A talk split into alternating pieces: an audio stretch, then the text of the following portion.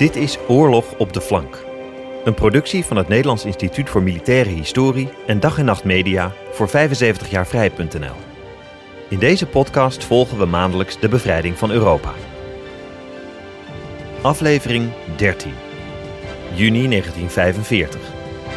Een rommelige ontknoping.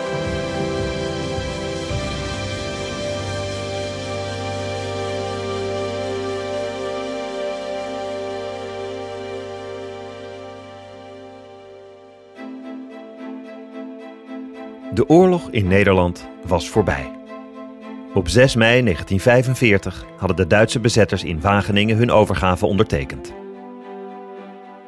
Maar wie dacht dat die handtekening een haarscherpe en eenduidige afronding van de bevrijding zou betekenen? Nou, die kwam bedrogen uit.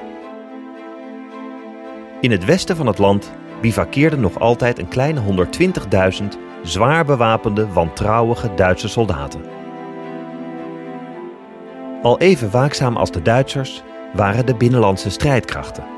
De officiële samenwerking van verzetsgroeperingen, die sinds september 1944 bestond en onder bevel stond van prins Bernhard. Zij snakten naar actie. Duitsers ontwapenen, collaborateurs oppakken. En zo werden de eerste weken na de bevrijding een gespannen, rafelige overgangsperiode. Soms opvallend ordelijk, soms vreselijk chaotisch.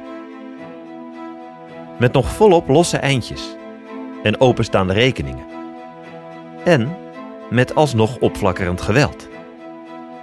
Zoals bijvoorbeeld de muiterij van de Georgiërs op Texel.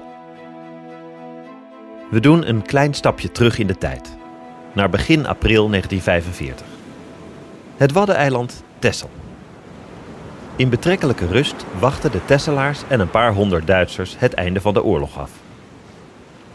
Er is geen SS, geen groene politie, geen grootschalige terreur. Op het eiland bevindt zich wel een bataljon van circa 800 Georgiërs, zogenaamde Oosttroepen. Krijgsgevangen gemaakt aan het Oostfront hadden deze soldaten eieren voor hun geld gekozen door zich aan te sluiten bij hun overwinnaars. Natuurlijk, dienen bij de Weermacht was landverraad. Maar het was ook een kans om te ontsnappen aan de Duitse krijgsgevangenkampen. Kampen die, vooral voor de gevangenen van het Oostfront, een hel op aarde waren. De Duitsers keken neer op de Oosttroepen, dat zal niemand verbazen. Dat gold ook voor hun commandant, kolonel Ralf von Heigendorf. Het zijn overwegend natuurmensen met de meest primitieve driften, honger en liefde. Hun inschatting van goed en kwaad is totaal anders. De Aziatische ziel is lastig te doorgronden. Vaak is het onmogelijk van hun gezichten af te lezen wat ze werkelijk denken. Hoe dan ook, Tessel ging een kalme bevrijding tegemoet. Althans, zo leek het begin april 1945. Voorjaar 1945.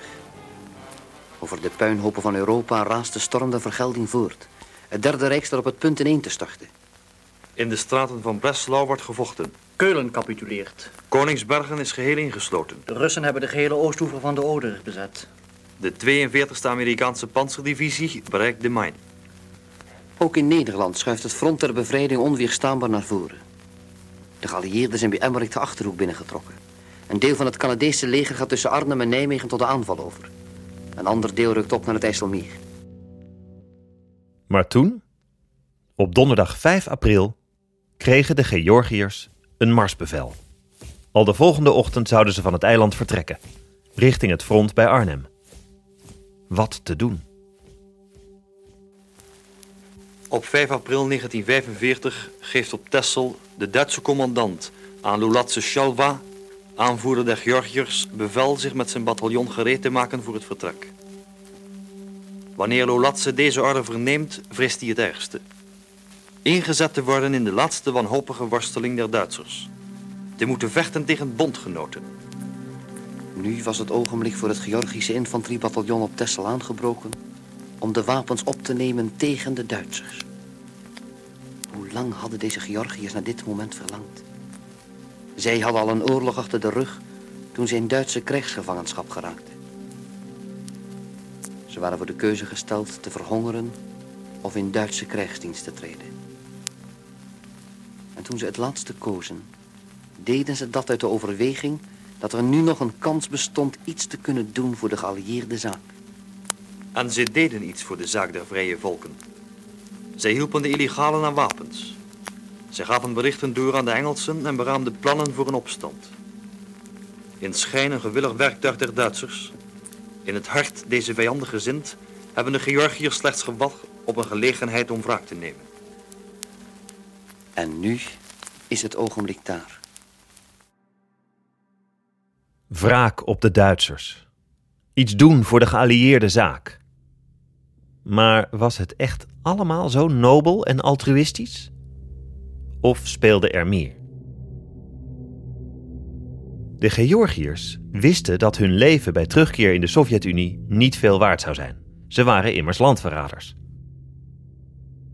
Door op de valreep alsnog tegen de Duitsers te muiten, sloten ze eigenlijk een soort levensverzekering af.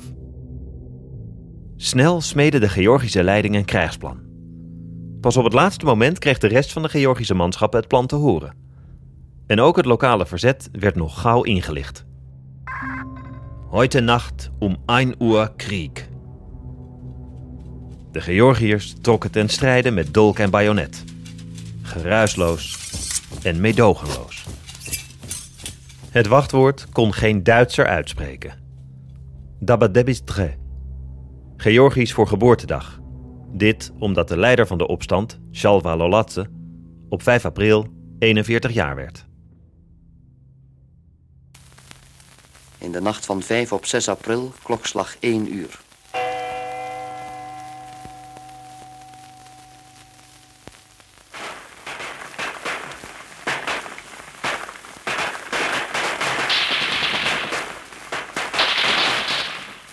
Geweren knallen, handgranaten ontploffen en mitrailleurs ratelen. Geraas, getier en luide verwensingen verbreken de nachtelijke stilte. In kazernes en kazematten, overal waar Duitsers en Georgiërs samen zijn, vloeit bloed. De Tesselaren, door het rumoer uit hun slaap opgeschrikt, scharen zich spontaan aan de zijde der opstandelingen. Een dolzinnige emotie maakt zich van hen meester. De bevrijding is op komst.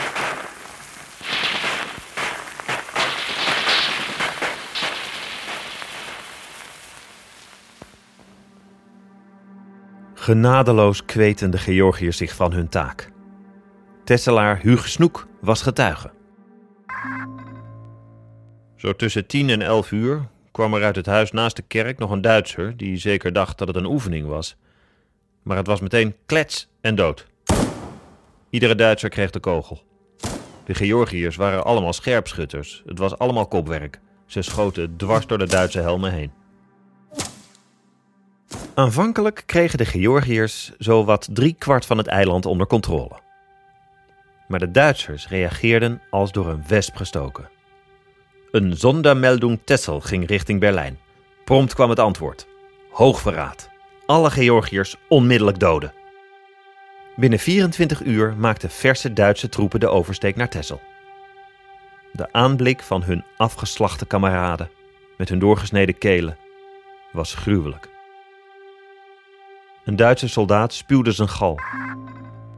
Woede en haat namen het over. De Georgiërs waren geen tegenstanders meer. Het waren doodsvijanden.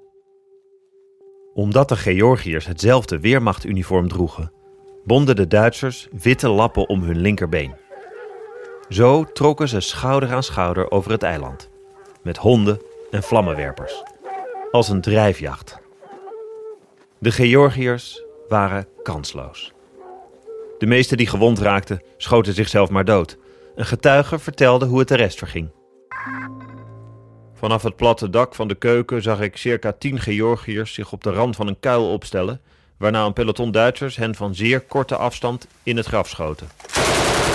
Nadat de slachtoffers in de kuil gevallen waren, kwamen de Duitsers op de rand van het graf en schoten nogmaals op de gevallen mensen. De gehele middag heeft het geduurd eer de laatste Georgiër gefusilleerd was. Op hulp van buitenaf hoefden de Georgische muiters niet te rekenen. Eén keer, op 13 april, bombardeerde de Britse luchtmacht Duitse kanonnen bij Den Helder. En daar bleef het bij. Later staken enkele Tesselaars in een reddingsboot de Noordzee over in een poging hulp te halen. Maar het mocht niet baten. De Nederlandse regering vreesde dat een aanval op Texel de voedseldroppings boven West-Nederland in gevaar zou brengen. De Georgiërs stonden er alleen voor. Toen mei aanbrak, hadden de Duitsers het leeuwendeel van Texel weer in handen. Maar een klein deel van de Georgische muiters overleefde. Vooral door zich te verstoppen in de westelijke duingebieden, een plek die de Duitsers liever meden vanwege de uitgestrekte mijnenvelden. En de camouflage van de Georgiërs was vaak ingenieus, zoals een Nederlandse ooggetuige merkte. Sommigen verscholen zich zo goed in onderaardse holen dat ze voor de Duitsers onvindbaar waren. Lopend over de met takken en aarde afgedekte schuilplaatsen hadden zij er niet het geringste vermoeden van hoe dicht zij bij hun vijanden waren. Zoals altijd waren de burgers de dupe. Regelmatig moesten de Tesselaars slachtoffers bergen. En op een eiland als Tessel kende iedereen elkaar. Bij de kerk werd een boerenzoon aangesproken door een voorman van gemeentewerken. Die had een zak tussen zijn benen geklemd en vroeg waar de doodskist van een omgekomen Tesselaar stond. Ik heb hier nog een end van zijn kop en zijn arm, sprak de voorman, schijnbaar onbewogen. De boerenzoon kon het begrijpen. Volgens hem was het slachtoffer heel erg haar uit elkaar raakt. Dan kijk je raar op. En zo werd het 5 mei. En 6 mei. De Duitsers hadden gecapituleerd. Maar op Texel ging het bizarre schouwspel door. In de dorpen verrezen erehagen voor de bevrijders. Er klonken leuzen als Let's shake hands, boys. Maar de bevrijder was nog in geen velden of wegen te bekennen. En de Duitsers vertikten het om de wapens neer te leggen. Er schuimden immers nog zo'n 250 wraakzuchtige Georgiërs het eiland af. Georgiërs die zichzelf nu als overwinnaars zagen. En dat niet onder stoelen of banken staken. Schietpartijen bleven dan ook niet uit, ook na 5 mei niet. Het Tesselse verzet was gewoonweg niet sterk genoeg om de rust te bewaren. Bovendien had prins Bernhard zijn mannen van de binnenlandse strijdkrachten bevolen niets te doen. In elk geval niet voordat er geallieerde soldaten in de buurt waren. Zo goed en zo kwaad als het ging, probeerde het verzet de Duitsers en de Georgiërs uit elkaar te houden. Een verzetslid herinnerde zich. Ten slotte hadden we een regeling dat de Duitsers overdag buiten mochten en de Georgiërs s'avonds. Het was echt een krankzinnige toestand. Krankzinnig was het inderdaad. De Duitsers trokken zich van niemand iets aan. Een Tesselaar vertelde. Met een groep marcheerden de Duitsers eens door de versierde straten van Den Burg, onder de met oranje en Engelse opschriften voorziene erepoorten door. De geweren over de schouders. Ze zongen hun liederen, alsof ze niet tot het verslagen volk behoorden. En als ze de kans kregen, schoten ze op de Georgiërs. Pas op 20 mei arriveerden de eerste Canadezen op Texel. Een dag later werden de Duitsers afgevoerd richting die Heimat, of wat er nog van over was. Na de bevrijding spraken de Tesselaars nauwelijks over wat al snel de Russenoorlog genoemd werd. Al was het maar omdat ze het niet eens werden. Waren de Georgiërs helden? Of hadden ze het eiland juist doelbewust de ellende ingestort? De prijs was in elk geval hoog geweest. Ruim 100 burgers kwamen om. Niet in de laatste plaats door Duitse represailles. Want wie de Georgiërs hielp, kon rekenen op de doodstraf. Maar volgens sommigen hadden de Georgiërs gewoon rücksichtsloos geprobeerd hun eigen hachje te redden. Echter, van het Tesselse verzet en het Canadese leger kregen de Georgiërs een verklaring mee. Dat ze dapper hadden gestreden. Of die verklaring heeft geholpen? We zullen het nooit weten. Maar Jozef Stalin stuurde de Georgiërs niet als landverraders naar Siberië. En daarmee vormden ze onder de Oosttroepen een uitzondering. Tot zover de strijd op Texel, ook wel het laatste slagveld van Europa genoemd.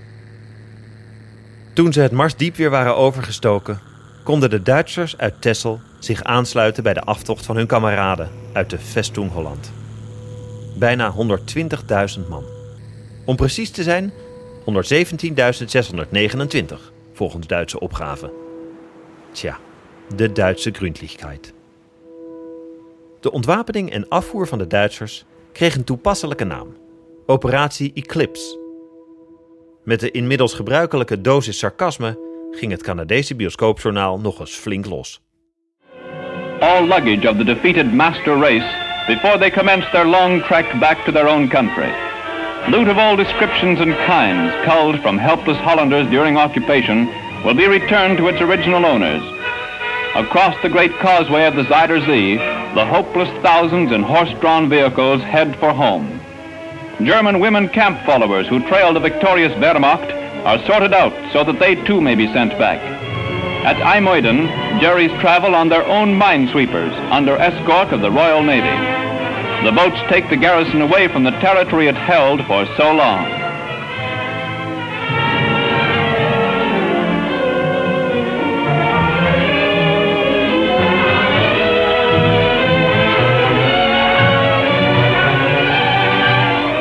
Day after day, the steady stream of traffic moves towards Germany. There are no regrets at the departure. Nergens anders in West-Europa verliep de Duitse aftocht zo georganiseerd. Haast bureaucratisch. Het opdoeken van de Weermacht in West-Nederland had bijna iets weg van de afwikkeling van een faillissement. Zakelijk en punctueel. Formeel waren de Duitsers krijgsgevangenen. Maar daar wilden de geallieerden in de praktijk niet aan. Dan waren ze namelijk zelf verantwoordelijk voor het wel en wee van alle Duitse gevangenen, inclusief de medische verzorging, kleding, onderdak en eten. Dus verzonnen de geallieerden een list. De term Surrendered Enemy Personnel moest de lading dekken. Verder mochten de Duitsers het allemaal zelf regelen. De bevelstructuur bleef keurig intact. Handhaving van discipline? Een Duitse verantwoordelijkheid. Soms leidde zoveel autonomie tot ontsporingen. Meerdere malen vroegen Duitse officieren doodleuk ingeleverde wapens terug, om alsnog deserteurs te executeren. De Britten en Canadezen deden niet moeilijk. In het dagboek van de 1e Canadese divisie werd geschreven: Met machtiging van ons hoofdkwartier fusilleerden de Duitsers vandaag een half dozijn deserteurs. Dat druiste natuurlijk tegen elk oorlogsrecht in. Maar blijkbaar hadden de Britten en Canadezen er wel wat voor over om de rust en kalmte onder de Duitse gevangenen te bewaren. Er was nog een goede reden waarom de geallieerden zoveel aan de Duitsers zelf overlieten: personeelstekort. Alle leden van de SS, Gestapo, politie en inlichtingendiensten moesten bijeengebracht worden in verzamelgebieden die door de geallieerden waren aangewezen. Maar hiervoor waren maar één Britse en één Canadese divisie beschikbaar. Laten we zeggen 25.000 man. Dat kwam neer op één geallieerde soldaat per vijf Duitsers. Daar ging dus wel wat tijd overheen. Overal keken de leden van de binnenlandse strijdkrachten mee. Zij zagen van tevoren een mooie rol voor zichzelf weggelegd. Al maanden keken ze er naar uit om de gehate Duitse soldaten te ontwapenen. Maar de geallieerden stelden ze niet in de gelegenheid. De binnenlandse strijdkrachten kregen opdracht zich kalm te houden, niet te provoceren en te wachten. Een ooggetuige schreef: De mannen van de binnenlandse strijdkrachten liepen vloekend en tierend door de kamer, als waren het gekooide beesten. Ze voelden zich verraden. En hun woede viel te begrijpen. Nog dagen na de capitulatie controleerden gewapende Duitse soldaten papieren van burgers, fouilleerden ze voorbijgangers en pakten ze zelfs mensen op. De Duitsers vonden bescherming in hun aantallen en in hun wapens. De sfeer was nerveus en werd getekend door misverstanden, ergernis en amateurisme. Incidenten bleven niet uit. Het meest bekend is de dodelijke schietpartij op de Dam van 7 mei, toen een paar Duitse soldaten het vuur openden op een feestvierende menigte. Maar er waren nog tientallen andere incidenten en er vielen vele tientallen doden. Toen de Duitsers zo'n beetje verzameld waren, begon op 9 mei hun systematische ontwapening. Al snel had het iets weg van lopende bandwerk. Helmen op de stapel links, geweren op de stapel rechts, fouilleren en controle van de identiteitspapieren. Het leek wel een soort gigantische worstmachine, vonden sommige Canadezen. Taking Jerry through the sausage machine. De ooit zo trotse weermacht, vermalen tot een vormeloze, onmachtige eenheidsworst. Voor grootschalige lynchpartijen hoefden de Duitse soldaten in Nederland niet bang te zijn. En ook niet voor de gevreesde enkelerij Siberië. Gedisciplineerd ondergingen ze hun ontwapening en afvoer, hoewel ze zich ook nog steeds brutaliteit permitteerden. De Britten en Canadezen namen bijvoorbeeld duizenden fietsen in beslag, die de Duitsers probeerden mee te smokkelen. Maar over het algemeen schokten de kolonnes gelaten richting het oosten. In hun wrakke huifkarren werkten de Duitse officieren de administratie bij. Langzaam maar zeker liep de Vestung Holland leeg. Op 11 mei schreef de dichter B.S. Le Marché een passend afscheidsgedicht. Hier de laatste strofe. Nu niet stralen op een auto, nu niet pralen met den buit. Nu maar lopen, schokken, sjouwen. Derde Rijk, je rijk is uit. Begin juni was operatie Eclipse gedaan. De burgers hadden naar de Duitse kolonnes gescholden en boos naar ze gebaard. Maar verder had hun wraak niet kunnen gaan. De Canadezen en Britten lieten het gewoon niet toe. Maar toen de Duitsers weg waren, waren er altijd nog de collaborateurs en de moffenmeiden om de volkswoede op te koelen. Iedereen die had gehuld met de bezetter moest eraan geloven. De tijd voor Bijltjesdag was gekomen.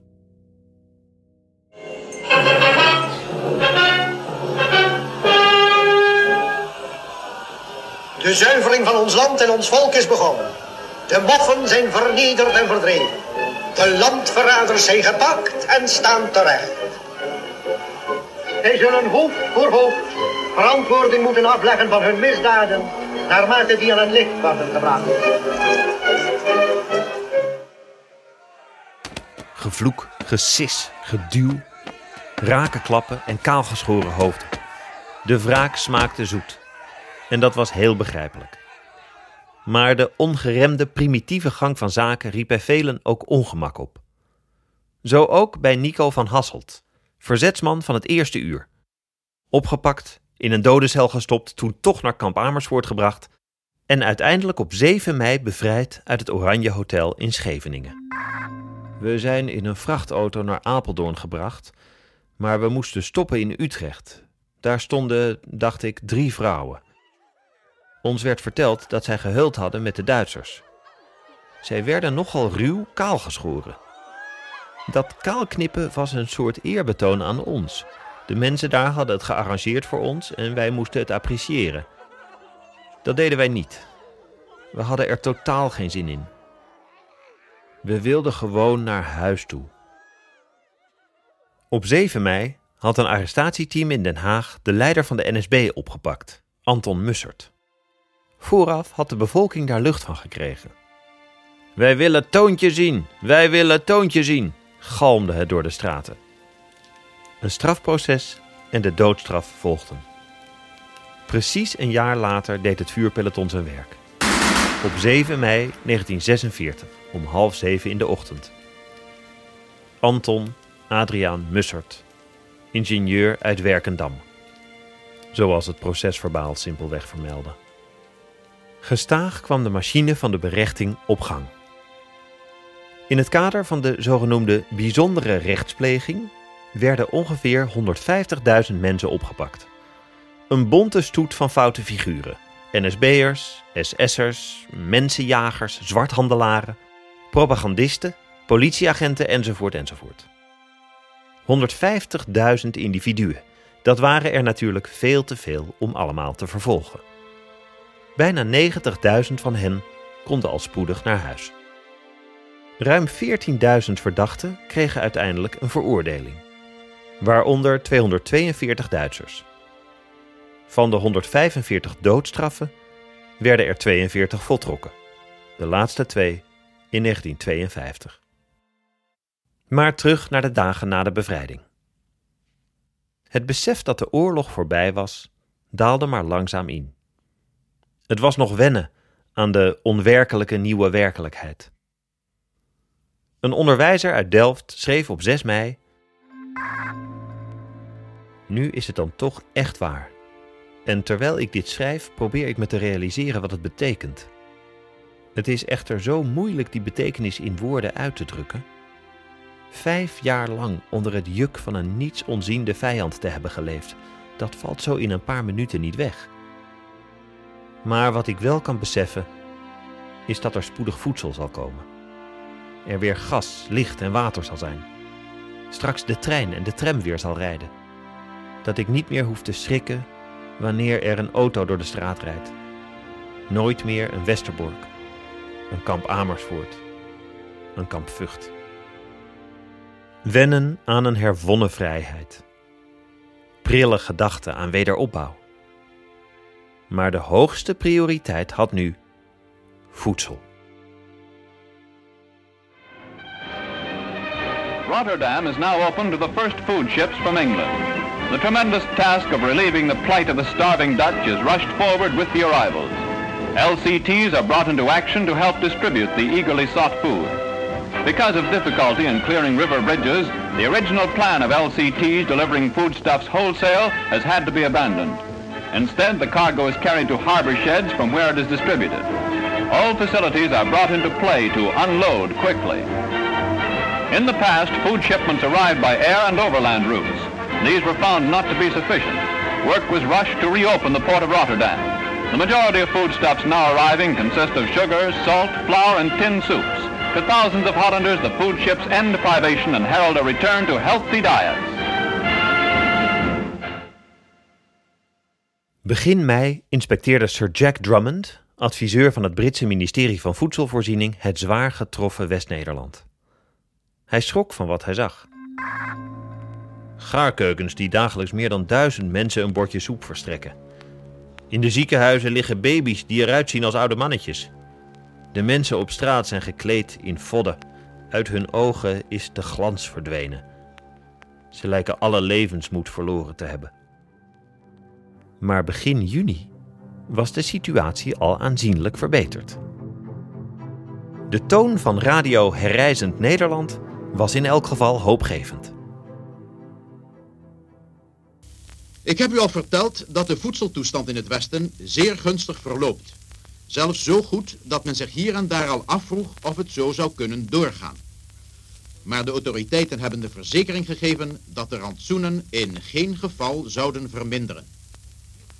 Hier zijn nu bijvoorbeeld de rantsoenen in de hoofdstad voor de lopende week. Eén brood. Brood is er nog steeds niet veel zoals u ziet.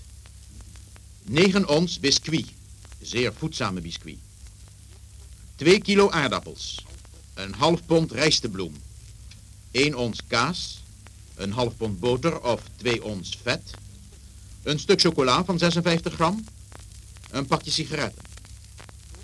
Voorts wordt er vis gedistribueerd en geeft het Rode Kruis havermout. Dan wordt vlees in blik verstrekt, ongeveer 7 ons per week. Men kan dit ook in de vorm van stampot in blik krijgen en dan krijgt men de dubbele hoeveelheid. Maar nog niet al het oorlogsgevaar was geweken. Er waren nog altijd die mechanische sluipmoordenaars. De mijnen. Waarschijnlijk een kleine 2 miljoen. Verspreid over ruim 5500 mijnenvelden door heel het land. Geduldig wachtend op hun slachtoffers. Die helaas tot lang na de oorlog nog zijn gevallen. In de boomgaarden kan men zich niet wagen, want hele streken zijn nog niet van mijnen gezuiverd. Enkele dagen geleden had een boer tien koeien verzameld die hij de wei instuurde. De volgende morgen waren er nog vier in leven. De meeste mijnen werden geruimd door NSB'ers, Nederlandse SS'ers of Duitse krijgsgevangenen. Levensgevaarlijk werk, Zeker 200 Duitsers verloren het leven. Het was bovendien tegen het oorlogsrecht. Maar om formele regels werd nauwelijks gemaald. Een Nederlandse tolk vertelde. Toen de Duitsers een keer meldden dat er geen mijnen meer lagen, zette de Canadese commandant 100 man op een rij en liet hen door de duinen lopen, schouder aan schouder. Ze hadden wel zes doden. En zo begon de lange weg van de wederopbouw. Het liep niet overal even soepel. Vooral in de zwaarst getroffen gebieden was het lastig.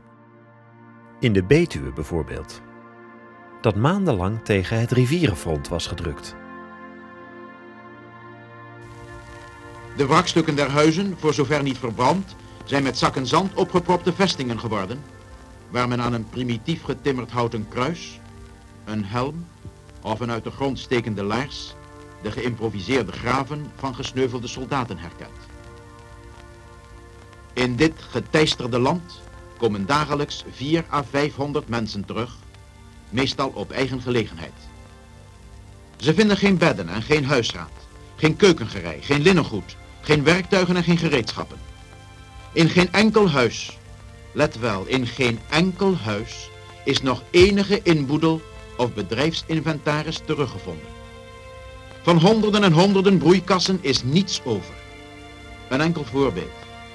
Oudheusden en Bemmel zijn voor de volle 100% weg.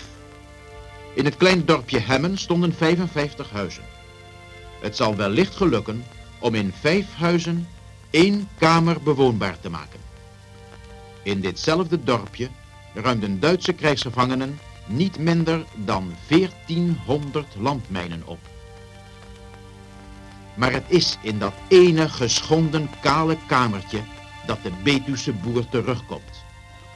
En als hij in een paar dagen kans heeft gezien met de hulp die wordt geboden dat vertrek enigszins bewoonbaar te maken, dan laat hij moeder de vrouw en de kinderen komen, ook al is er geen waterleiding, geen gas en geen elektriciteit. Als het niet anders kan, dan slapen ze op de grond, zonder enige dekking. En dan was er natuurlijk die oer-Hollandse vraag. Wie gaat dat allemaal betalen? Duitsland? Plannen waren er genoeg. Plannen bijvoorbeeld om stukken Duits grondgebied te annexeren, tot Hamburg aan toe. En dan het liefst zonder al te veel Duitsers. Of plannen voor miljarden aan herstelbetalingen. Maar van al die ideeën kwam weinig terecht. De overwinnaars hadden andere plannen met Duitsland. Op 6 juni namen ze in Berlijn resoluut het hoogste gezag over.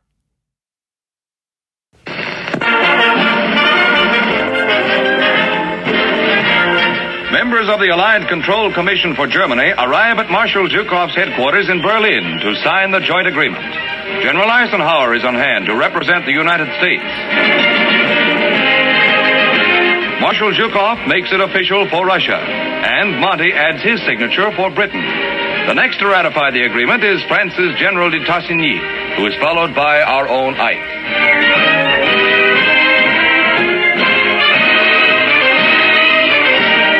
Official British pictures of the men who will control the post-war destiny. Zonder al te veel fanfare arresteerden de geallieerden de regering van admiraal Karl Dönitz, de opvolger van Hitler. Maar intussen begonnen de onderlinge spanningen te borrelen. De Sovjetpers haalde als vanouds uit naar fascistische krachten in het Westen. Winston Churchill bromde tegen de Amerikaanse president Truman dat hij het allemaal niet vertrouwde. Als zijn oude wapenbroeder Jozef Stalin toch verder zou oprukken dan afgesproken, zo gromde Churchill, nou, dan zou die opgedoekte weermacht nog wel eens goed van pas kunnen komen. Het was duidelijk. Het broeide in het bondgenootschap der overwinnaars. Wie dat bijvoorbeeld heel goed doorhad, was de chef-staf van veldmaarschalk Montgomery, generaal-majoor Brian Robertson. Niet Duitsland, maar Rusland bedreigde nu de toekomst van Europa. Het doel was niet langer om Duitsland neer te beuken, het lag al uitgeteld in het stof, maar om Duitsland op te bouwen. Dat vroeg om wijsheid. Het was nu onze taak Duitsland te redden van de hongersnood, ellende en armoede, maar ook van wanhoop en van het communisme. We kunnen concluderen dat de Koude Oorlog al in de zomer van 1945 haar opwachting maakte. Maar voor dat soort wereldpolitiek had men in het kleine, brave Nederland even geen aandacht. Eerst maar eens orde op zaken stellen. Begin juni 1945 bedankte premier Pieter Gerbrandy in de laatste uitzending van Radio Oranje nog één keer alle Britten voor hun hulp en doorzettingsvermogen. In zijn eigen onnavolgbare versie van de Engelse taal. I am here tonight to say goodbye to you all. And I am here to offer you the thanks of the Netherlands government for all you have done, for all that you have meant to the Dutch since the 10th of May 1940. My colleagues and myself are returning to our homes, to our country, saved at the very last, after suffering such as you and I can hardly imagine. De lusten en de lasten van de bevrijding. Langzaam maar zeker leerde Nederland ermee omgaan. Maar er was natuurlijk meer dan alleen het moederland. Over zee riepen de koloniën om aandacht. In de West, Suriname en de Antillen. In het Verre Oosten, Nederlands-Indië. De Tweede Wereldoorlog zou een breukvlak voor de koloniën blijken. Een nieuwe tijd brak aan. Een tijd van oplevend nationalisme en van dekolonisatie. Hoe was de strijd eigenlijk verlopen in het Westen, in het Caribisch gebied? Hadden Suriname en de Antillen de maalstroom gemakkelijk doorstaan? En zou Nederland in deze onrustige jaren wel grip weten te houden op de koloniën?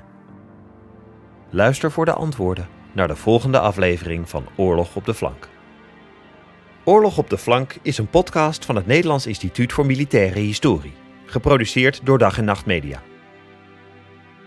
De podcast is onderdeel van de multimediale Ode aan de Vrijheid. Kijk daarvoor ook op www.75jaarvrij.nl. En is mede mogelijk gemaakt door het DOSCO Ontwikkelfonds. Dank ook aan het Nederlands Instituut voor Beeld en Geluid. Research Marco Middelwijk. Projectleider NIMH Lianne van den Doel. Tekstschrijver Christ Klep. Productie en editing Anne Janssens en Cezanne Moeilijker van Dag en Nacht Media. Audiovormgeving Studio Cloak. Mijn naam is David Lucier. Tot volgende maand.